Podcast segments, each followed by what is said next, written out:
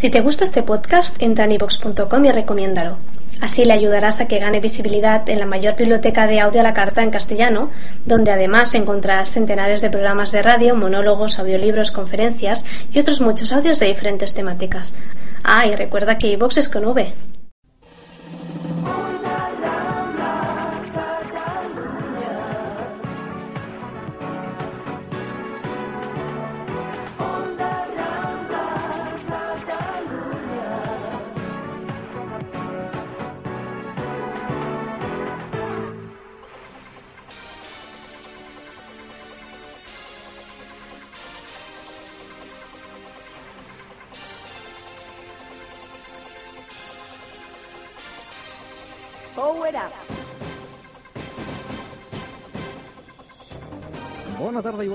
les dues i sis minuts. Benvinguts al Power Up d'Onda Rambla Catalunya, un disc dur amb moltes aplicacions centrades en la informàtica i l'entreteniment. A l'espai d'entrevistes abordarem un dels temes més preocupants per aquest final de mil·lenni de segle. A Manuel Penya abordarem en profunditat l'efecte 2000.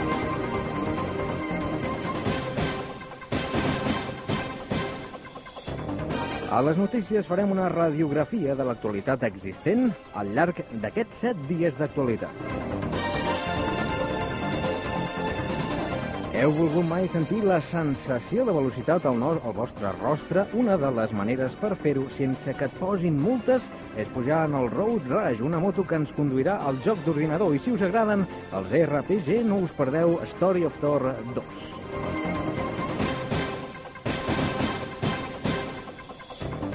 L'anàlisi d'avui també es vesteix de gala perquè avui indagarem i descobrirem els pros i els contres d'un portàtil. Altrament dit, notebook serà l'extensa 600 CD.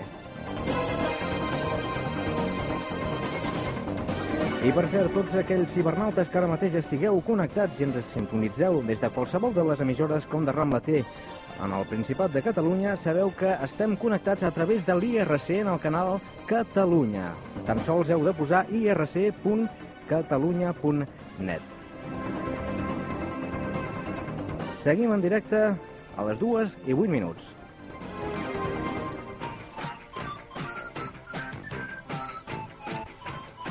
Power Up.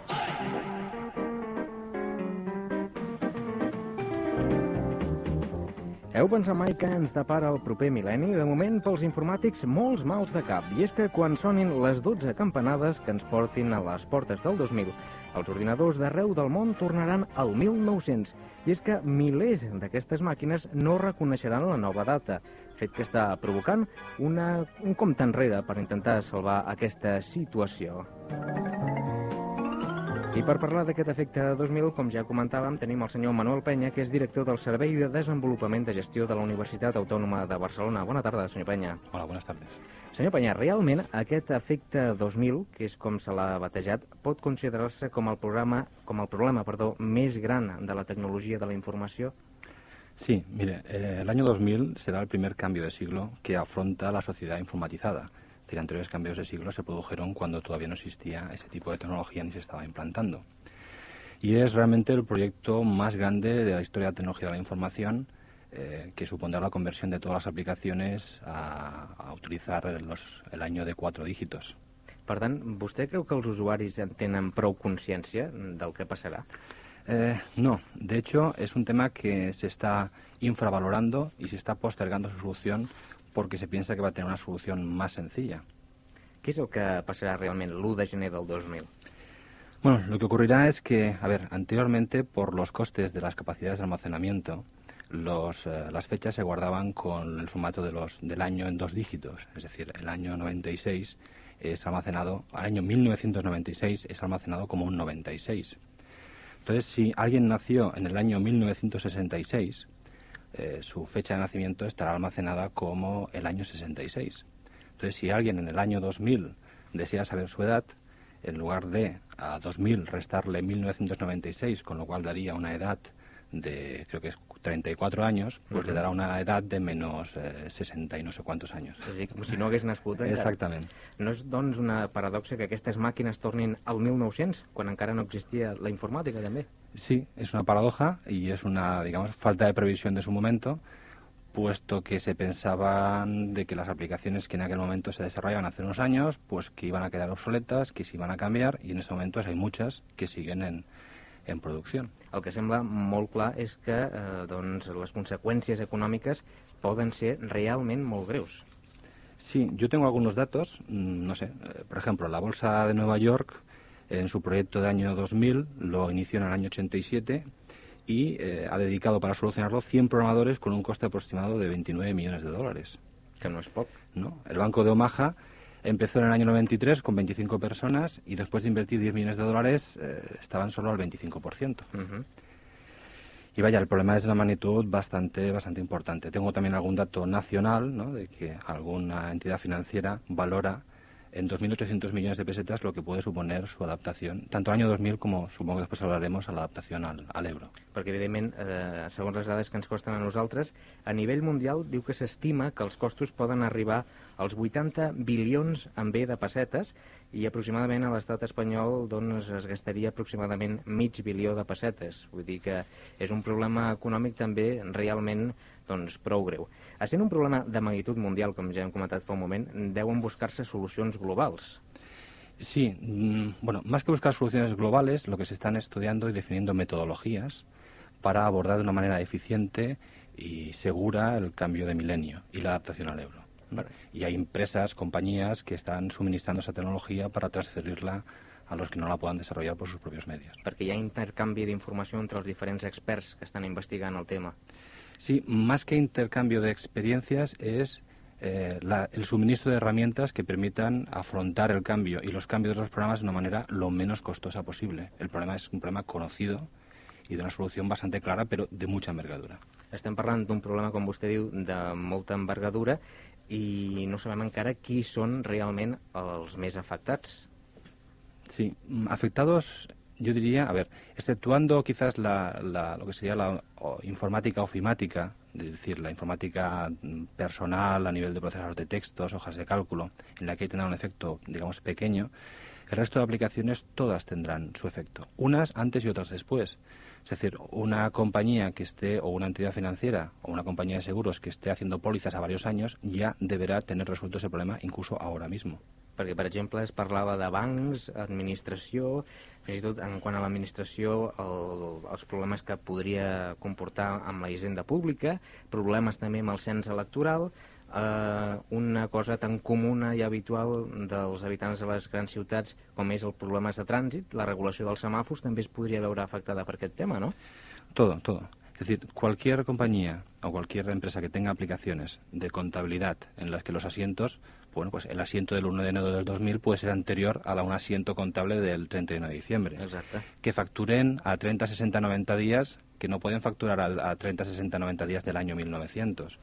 Que tengan nóminas con anticipos mm, que tengan que haber devuelto hace 100 años. Es decir, cualquier compañía a nivel de tránsito, la programación del cambio de semáforos para los fines de semana. Si no está previsto, harán el cambio de semáforos para la primera semana de 1900. O sea, cualquier aplicación informática de cualquier empresa. Jo ara m'estic posant, per exemple, a la pell d'un eh, malalt, d'un pacient, que també es pot veure afectat per aquest problema de l'any 2000 referent a que tingui prevista una visita o una operació en un hospital. Sí.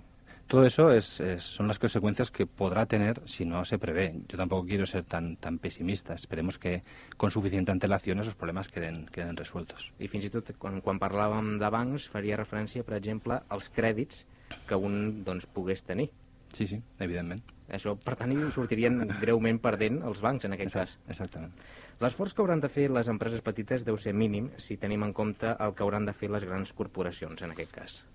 Sí, la empresa pequeña normalmente, además, no dispone de, de programas desarrollados a medida, sino que se basa en productos comercializados por empresas que ahí se beneficiarán de un esfuerzo común, es decir, la empresa o pequeña que utilice una facturación o una contabilidad suministrada por un proveedor externo, ese proveedor adaptará sus aplicaciones para todos sus clientes, con lo cual normalmente el esfuerzo que tendrá que desarrollar será simplemente cambiar la versión de su programa o de su aplicación. I d'empreses a persones, com afectarà aquest problema a l'usuari normal i corrent?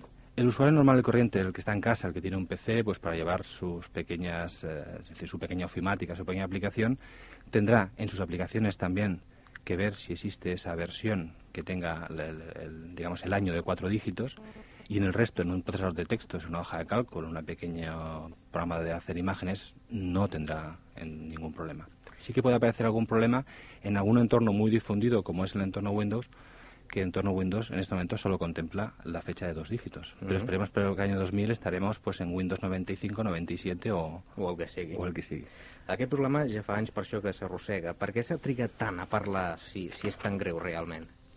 A ver, es un problema sencillo de entender, pero también por eso mismo se entiende que es un problema sencillo de arreglar. Y eso ha hecho pues que se piense que es un problema exclusivamente tecnológico, que no va a afectar a las compañías y además se han subestimado los costes de resolución, tanto en tiempo como en, en dinero. Y por otra parte lo que siempre ocurre, ¿no? que siempre se piensa que los problemas son lejanos y más un problema como el año 2000 que suena como un poco a película de ciencia ficción. Uh -huh. Fins ara hem dit les conseqüències, però no haguessin pogut evitar els primers fabricants i programadors aquestes. Sí, lo que pasa es que como contaba antes, eh, cuando se desarrolla una aplicación, y más hace unos años, eh, yo diría que el problema de estas aplicaciones son aplicaciones desarrolladas hace más de cuatro o cinco años. Siempre se pensaba que esas aplicaciones, pues bueno, que durarían dos, tres, cuatro, cinco años I renovaria. y se renovarían. Pero eso no está siendo real, sobre todo teniendo en cuenta de que las inversiones en desarrollo de aplicaciones, dado los problemas económicos internacionales, nacionales, cada vez son menores. Un dels responsables d'una gran corporació com és eh, IBM, en aquest cas, deia que eh, al ser ell, ells una gran eh, doncs, empresa a nivell mundial, els primers ordinadors que van sortir cap als anys eh, finals del 60 aproximadament, doncs deien que el cost del producte doncs, era massa excessiu per poder comptar amb aquests eh, quatre dígits. Suposo que el, el cost hi intervé de manera decisiva en aquest cas. Sí, el coste ya no, so- no de los ordenadores, sino de la capacidad de almacenamiento. Yo recuerdo hace unos años que en la universidad en la que trabajo se adquirieron unas máquinas que son eran inferiores en capacidad a lo que era un PC y costaron más de 60 millones de pesetas. Ujú. Y hoy un disco de 2 gigabytes está costando pues 30.000. Hoy en día el espacio de almacenamiento ya no es coste, antes sí que lo era. Perquè, eh, quin és el problema? Per què no entenen aquestes màquines el canvi de, de data? El problema que tienen es que, como comentaba antes, la fecha, no sé, hoy día 22 de febrero del año 1996 está almacenada como 220296. Entonces, al año siguiente será 96 más 1, 97. Al llegar al 99, 99 más 1, o dará error o se convertirá en 00. Per tant, és el problema de, dels dos dígits en lloc d'haver-la acoplat 4. 4, exactamente. Que quan acoplin 4 doncs hauran de passar molts anys perquè tornin a renovar. Tendría que pasar pues hasta año 10.000. Exacte.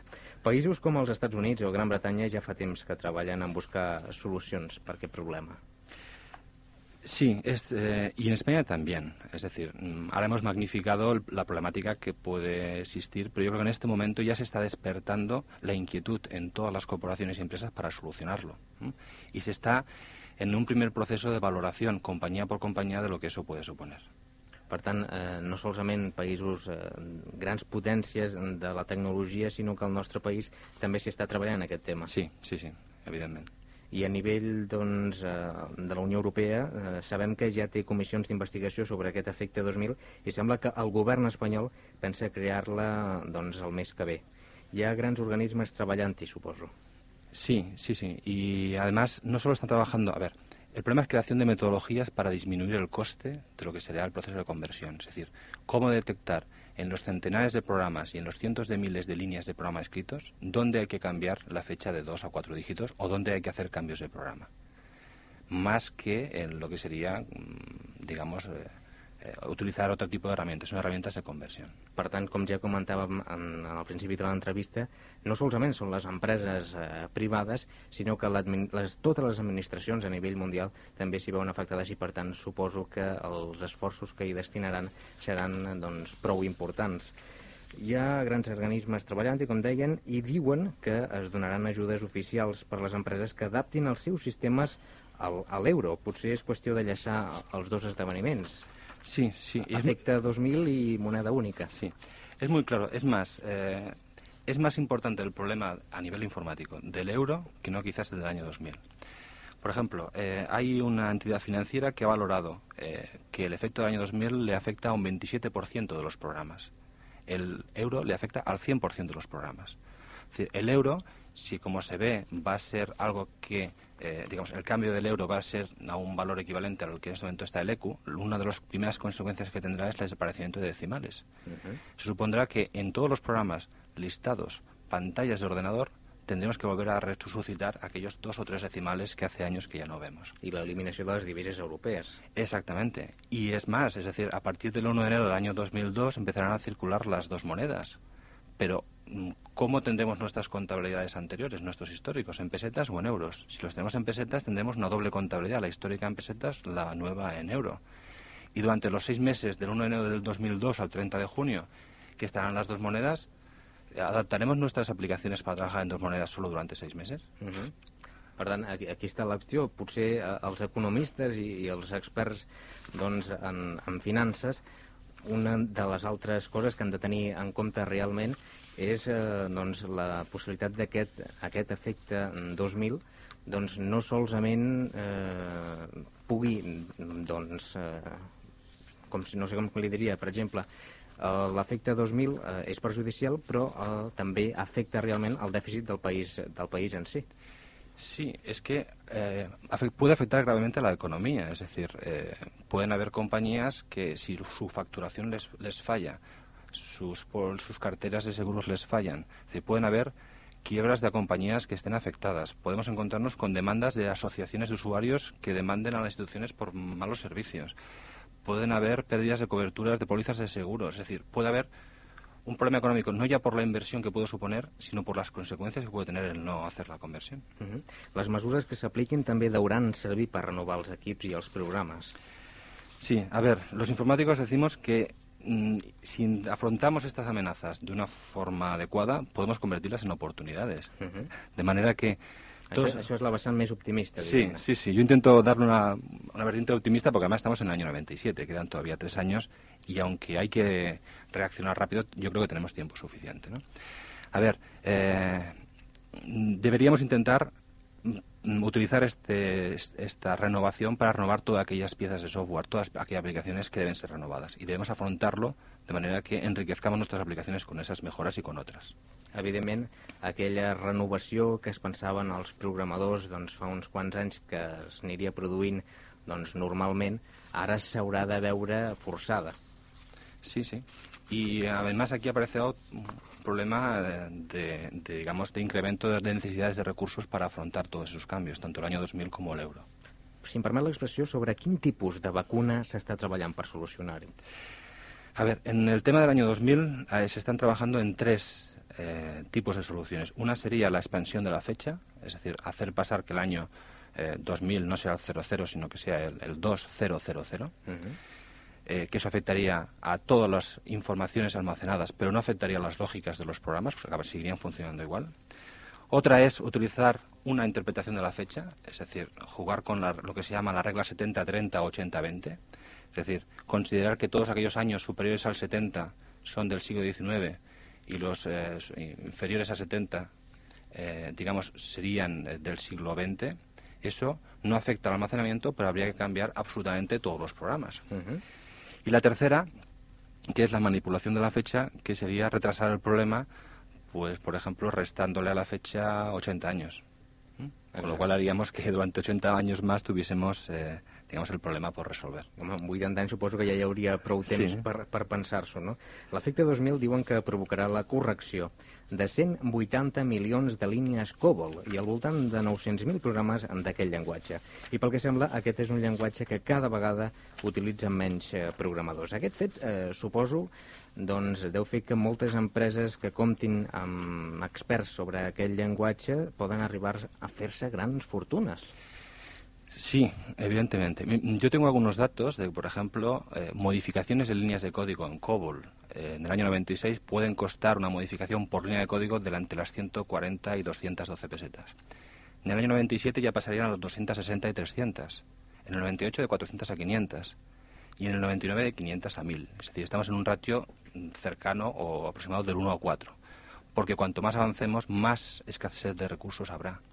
Porque además los cambios que se realizan en los programas son los los tecnológicamente poco atractivos para los equipos humanos que los tendrán que des- desarrollar y cada vez serán más caros. Uh -huh. I en aquest sentit, eh, a part, podem estar davant de la creació de molts llocs de treball, ja que moltes aplicacions s'hauran de corregir manualment. Yo diría mm, las tecnologías de detección de los problemas ayudarán a saber dónde van a estar, pero eh, casi en el 100% de los casos se tendrán que corregir manualmente. Vaja, que falten hores i hores de passar-se davant de les pantalles per poder-ho corregir. Sí, sí, sí. Eh, Acabarem ja amb una última pregunta, senyor Penya, i és que els usuaris que ara estiguin escoltant-nos i estiguin intrigats, sobretot perquè aquest és un tema, com ja comentàvem, que té molt poca eh, difusió, que estiguin intrigats en saber si el seu equip es veurà afectat o no, tenen algun mètode per poder-ho verificar?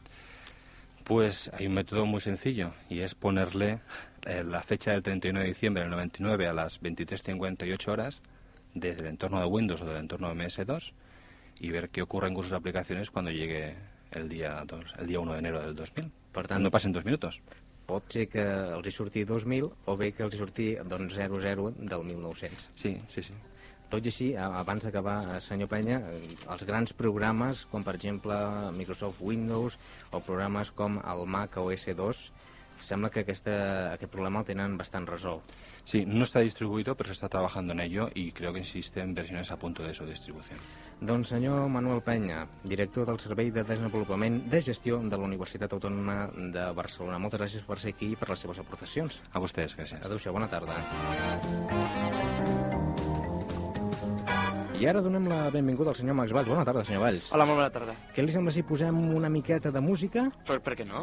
Doncs escolti, el simulador de motos més violent de tots els temps és Road Rush i la seva música també és bastant potent. Per què no? Així, escoltem-la. Si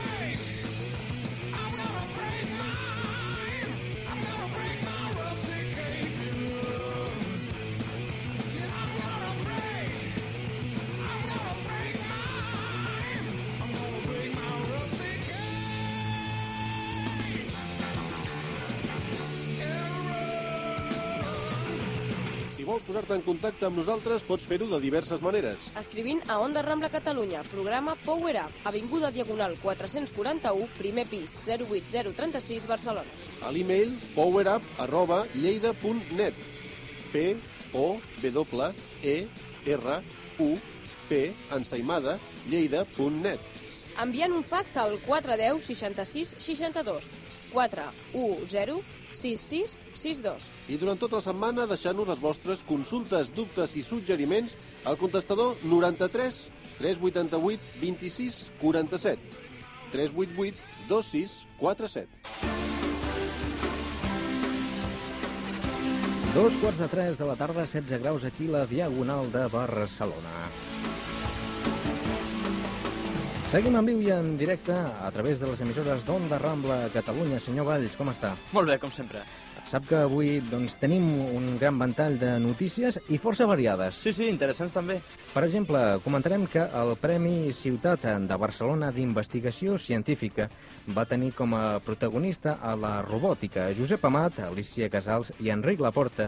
Van rebre el guardó pel desenvolupament d'un robot capaç d'operar.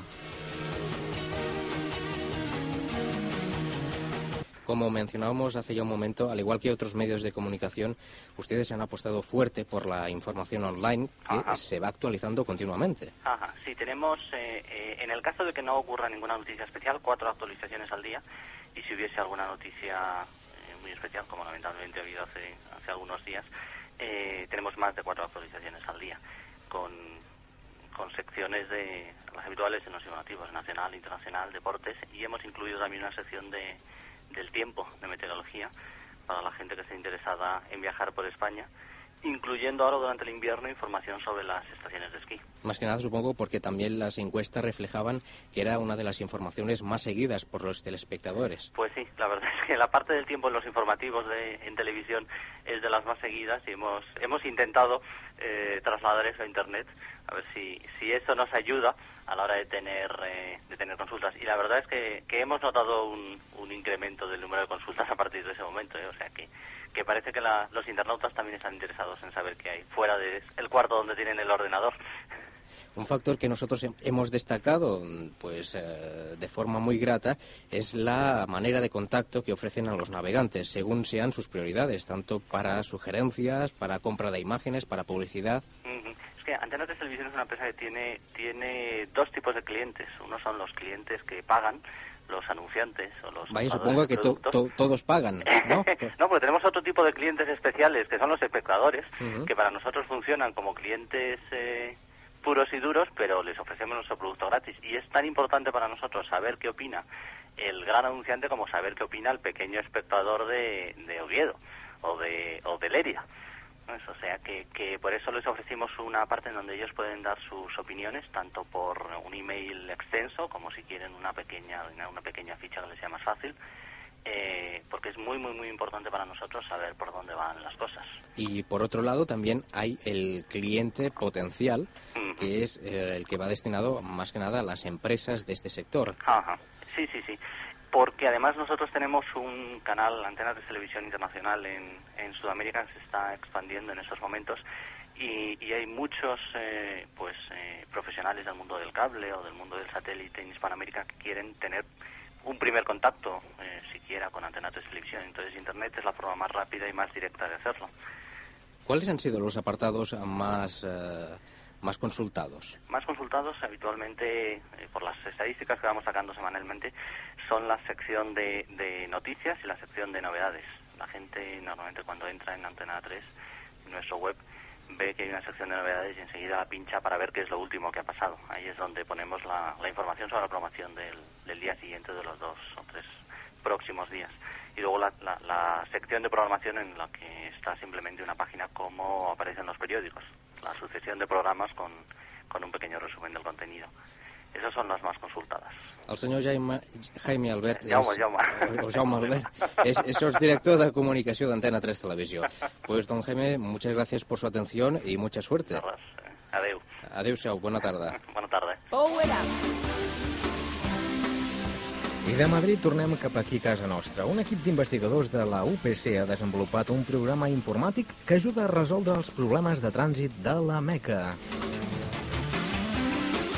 En directe tenim a través del telèfon el senyor Jaume Barceló, que és cap d'aquest equip del Departament d'Estadística i Investigació Operativa de la Universitat Politècnica de Catalunya. Senyor Barceló, bona tarda. Bona tarda. En què consisteix aquest programa anomenat AIMSUN 2? És, eh, software de simulació de trànsit. És un producte altament sofisticat. De fet, nosaltres fa aproximadament 10 anys que estem treballant en el desenvolupament de, de tot aquest software en el si de projectes de la comunitat europea i que és un software que com a software de simulació el que permet és fer una emulació, una imitació de la realitat. És a dir, nosaltres podem reproduir amb un alt nivell de curacitat el que és una xarxa viària en totes les seves condicions, en el sentit d'incloure tot el que és la qüestió de control de trànsit, amb els semàfors i la manera d'operar dels semàfors, etc etc i reproduir el comportament dels, dels vehicles en aquesta xarxa viària. A partir d'aquí es pot fer una emulació bastant acurada de la realitat i analitzar què és el que passa quan eh, aquesta, la xarxa viària està treballant en unes condicions determinades. No deu ser gaire fàcil coordinar el desplaçament de dos milions i mig de fidels procedents d'arreu del món, no? Realment esto, això ha estat per nosaltres un repte molt important que ens ha obligat fins i tot a fer una sèrie de modificacions en la manera de treballar d'aquest software, perquè aquest software, com he comentat, ha estat desenvolupat en projectes europeus i l'estem utilitzant en projectes a diferents ciutats europees i, per tant, és un software pensat per les condicions nostres. En canvi, les condicions que presenta eh, un fenomen de moviment de masses, com el, és el de la peregrinació a la Meca, són unes condicions absolutament inèdites en altres llocs. Imaginem el que seria la sortida de eh, 25 o 26 camps del Barça en un dia de Real Madrid-Barça. No? déu nhi Això és el que representa aquest fenomen.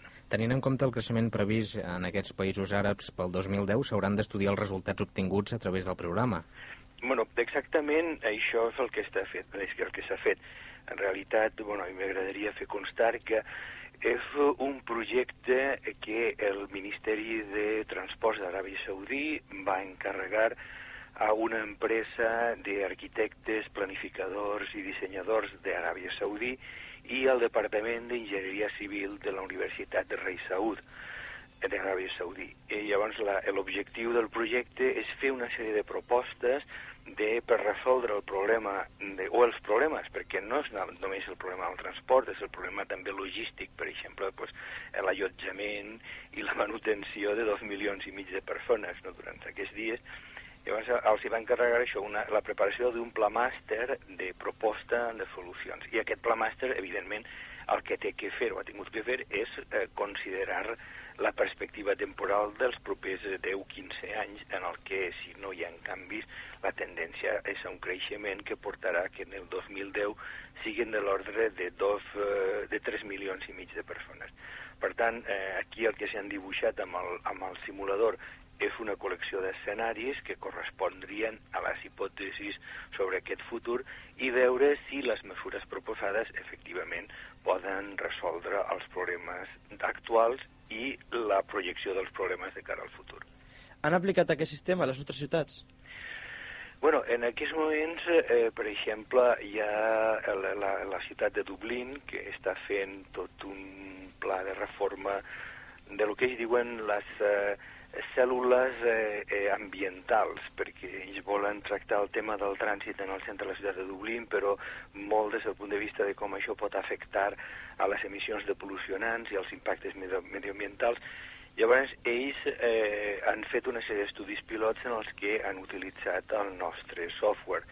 Un altre exemple és la ciutat de Florència, que està amb un projecte de la Comunitat Europea dintre del programa Antares, en el que hi havia un, un tractament de temes de transport públic, aquests han treballat també amb el nostre software, eh, hi ha una consultora holandesa que en aquests moments està fent uns, uns estudis sobre la ciutat de Maastricht, amb el nostre software i podria, hi ha més exemples perquè en aquests moments estem treballant en un projecte conjunt amb el Centre de Recerca del Transport de la Universitat de Montreal per, la, eh, per la, el Ministeri de Transports de Quebec en l'anàlisi de les eh, autorutes urbanes de la ciutat de Montreal i, bueno, i algun altre més. El senyor Jaume Barceló és cap d'aquest equip del Departament d'Estadística i Investigació Operativa de la Universitat Politècnica de Catalunya. Senyor Barceló, moltes gràcies i molta sort. Moltes gràcies a vostè. Adéu-siau, bona tarda. Adéu, bona tarda.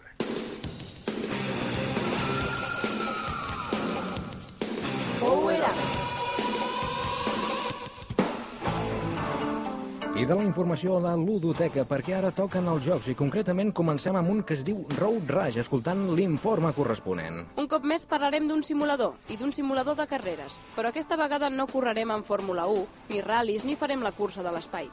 Anirem el més ràpid possible damunt la vella i estimada terra, però sobre dues rodes. Ens referim al simulador de motos Road Rush per a la PC. Electronic Arts ha abandonat per un temps la línia que li és habitual de simuladors d'esports de pilotes. És a dir, dels que juguen amb una bola, tingui aquesta la forma que sigui. Els usuaris d'ordinador ens hem vist gratament sorpresos amb aquest bon joc que ja va córrer en les consoles de 16 bits. En aquest cas, es tracta de la conversió de la versió per la 3DO, En el joc pilotarem una moto a través d'un munt de circuits plens d'altres vehicles. Hem de competir contra una banda de corredors il·legals i alhora fugir de la policia que intentarà per tots els mitjans engarjolar-nos. Tot és permès, empènyer l'adversari contra els cotxes, agafar una drecera i fins i tot colpejar salvatgement els altres. Però, és clar, les regles valen per tothom i ells van armats amb cadenes i bats de beisbol que ens poden fer una mica de pupa. Però amb habilitat podrem prendre'ls-hi les armes i tornar-los la moneda amb escreix.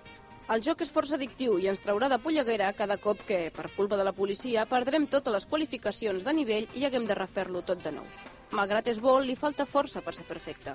Alguns detalls s'assemblen més al seu predecessor de 16 bits que els programes d'última generació. I això ens va decebre.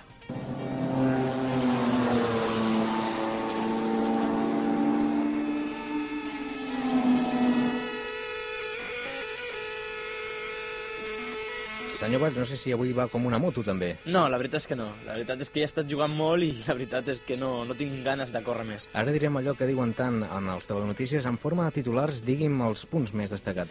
Bé, fins i, eh, el primer que hem de destacar són els dibuixos, no? Els dibuixos que apareixen quan escollim el personatge, quan escollim la moto, eh, quan estem al bar, quan parlem amb els altres corredors.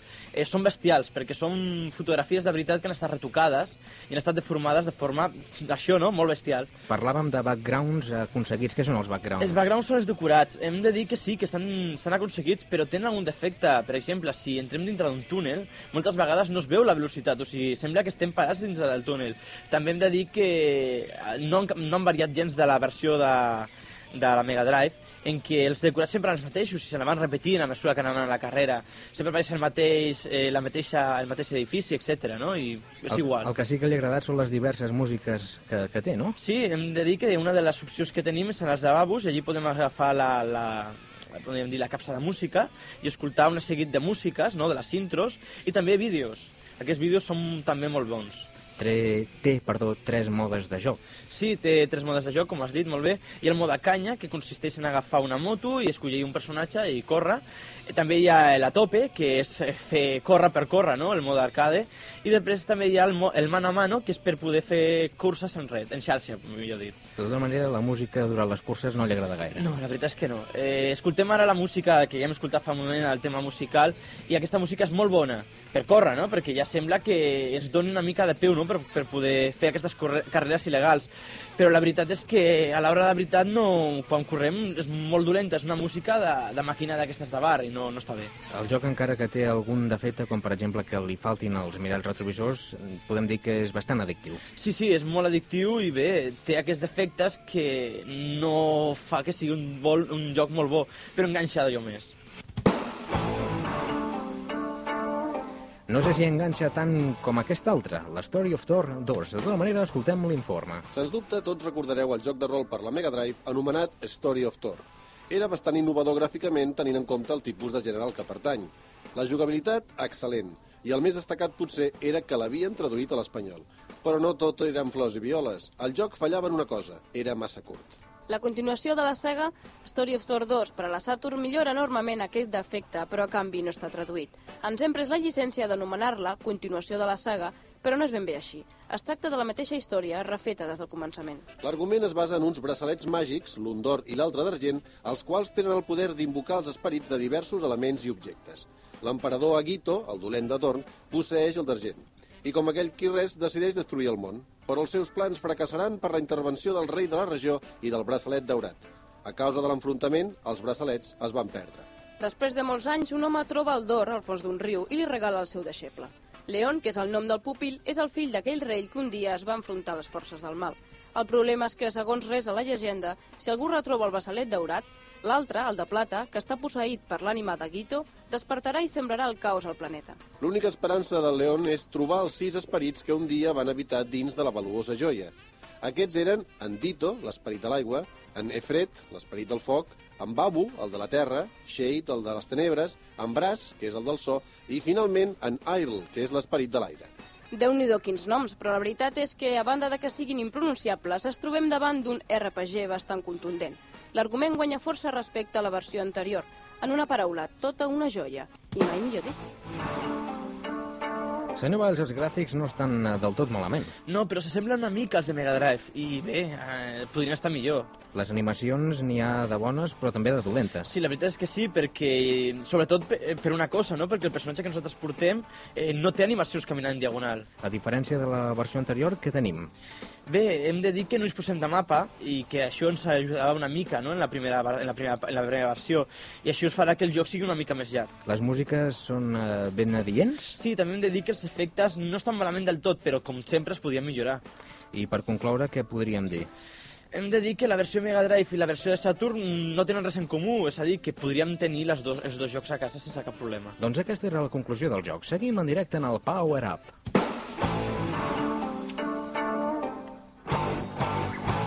I a falta de 6 minuts perquè siguin les 3, anirem directament cap a l'anàlisi.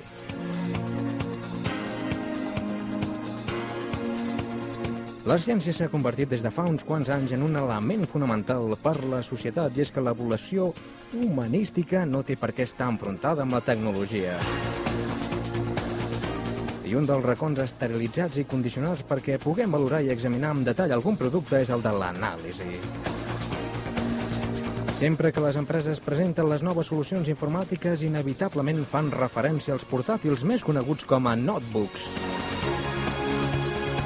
Un producte que dia a dia es va imposant en els diversos sectors, degut a la mobilitat i a la potència que ofereixen als usuaris, com per exemple aquest Extensa 600 CD de Texas Instruments. Bé, la pregunta és evident, però què té un notebook que no tingui un PC? Primer de tot, que si l'usem amb saviesa transformarà la nostra manera de treballar i de viure, podent-lo usar a l'oficina, a casa o al lloc més recòndit que es pugui imaginar. Aquest concepte anomenat multimèdia també té cabuda? En gran manera, podem definir aquest notebook com un potent eina multimèdia, fet que observem en la tarja de 16 bits que incorpora dos altaveus estèreo i al darrere observem que té una entrada per micròfon, una entrada de línia i una sortida de línia o auriculars. A més, està preparat per adaptar una tarja MPEG, amb la qual podrem veure vídeos de gran qualitat. Déu nhi però quines són les característiques generals? Té una pantalla de cristall líquid que ofereix una resolució de 16 milions de colors a 640 x 480, processador Pentium a 120 MHz, 8 MB de memòria EDO RAM, ampliable fins a 80, tarja de so de 16 bits ampliable, compatible perdó, amb Sound Blaster, CD-ROM de quàdruple velocitat, disc dur de 810 megas i un touchpad, que és a dir, és un mouse que funciona amb el tacte dels nostres dits. Sí, molt bé, però de tota manera això ja ho tenim altres portàtils. Què té aquest de diferent? Una de les coses gairebé imprescindibles per un equip amb projecció de futur. Té tres slots PCI per poder instal·lar diversos components, al igual que un pes molt equilibrat, ja que només pesa 2,6 quilos. I no porta disquetera? Me n'oblidava, efectivament, porta una disquetera o floppy extern de 3,5 que es connecta amb el notebook per la part posterior. Per això no és del tot el que es pot extreure, perquè el disc dur el podem treure fàcilment i col·locar-ne un altre com si res, ja que ocupa un espai molt reduït. Però un equip sense software no és res. No, eh, realment estic totalment d'acord. Per què motiu aquest Extensa 600 CD porta Windows 95 preinstal·lats, així com Microsoft Plus, PC Doctor i altres aplicacions. Parla'ns una mica més de la pantalla. Referent a aquesta, podem explicar que el notebook té dues funcions que la salvaguardaran. Són les funcions Suspend i Standby, amb les quals s'apagarà la pantalla, però no l'ordinador, i estalviarem energia conservant les dades tan bon punt premem alguna tecla. I si el que volem és treballar amb un monitor amb més resolució? Aleshores podrem connectar-lo fàcilment i prement la tecla corresponent del teclat. Un teclat que, per cert, està dissenyat per usar amb Windows 95. Si haguéssim de definir aquest book com una sola frase, quina seria? Senzillament com l'eina informàtica que combina pes, capacitat, expansió, velocitat i potència. Per què no anem primer als fets positius i després anem als negatius? Fets positius, que el preu està sobre les 300.000 pessetes, tenint en compte que és un producte de marca, no és gaire car. La bateria amb autonomia de fins a 3 hores, manual d'instruccions molt aconseguit i molt bo, amb gràfics il·lustratius i textos clarificadors, l'opció infraroja per connectar amb altres equips compatibles sense necessitat de cable. Els textos que apareixen estan llegits per una locutora, cosa que també eh, s'agraeix. El pes és de 2,6 quilos. I fets negatius, senyor Valls, la visió A640 per 480 no és eh, completa del tot, per tant l'haurem d'utilitzar per força a 800 per 600. Podria tenir també un volum extern pels altaveus que hi ha pocs vídeos en el programa de demostració i podria ser més didàctic i finalment que podria tenir més ports de comunicacions per connectar els perifèrics. I jo li he guardat una petita mostra de la demostració que té aquest notebook extensa 600 CD de Texas Instrument. Li sembla si l'escoltem i anem directament després a les notícies? Anem. Doncs escoltem-lo.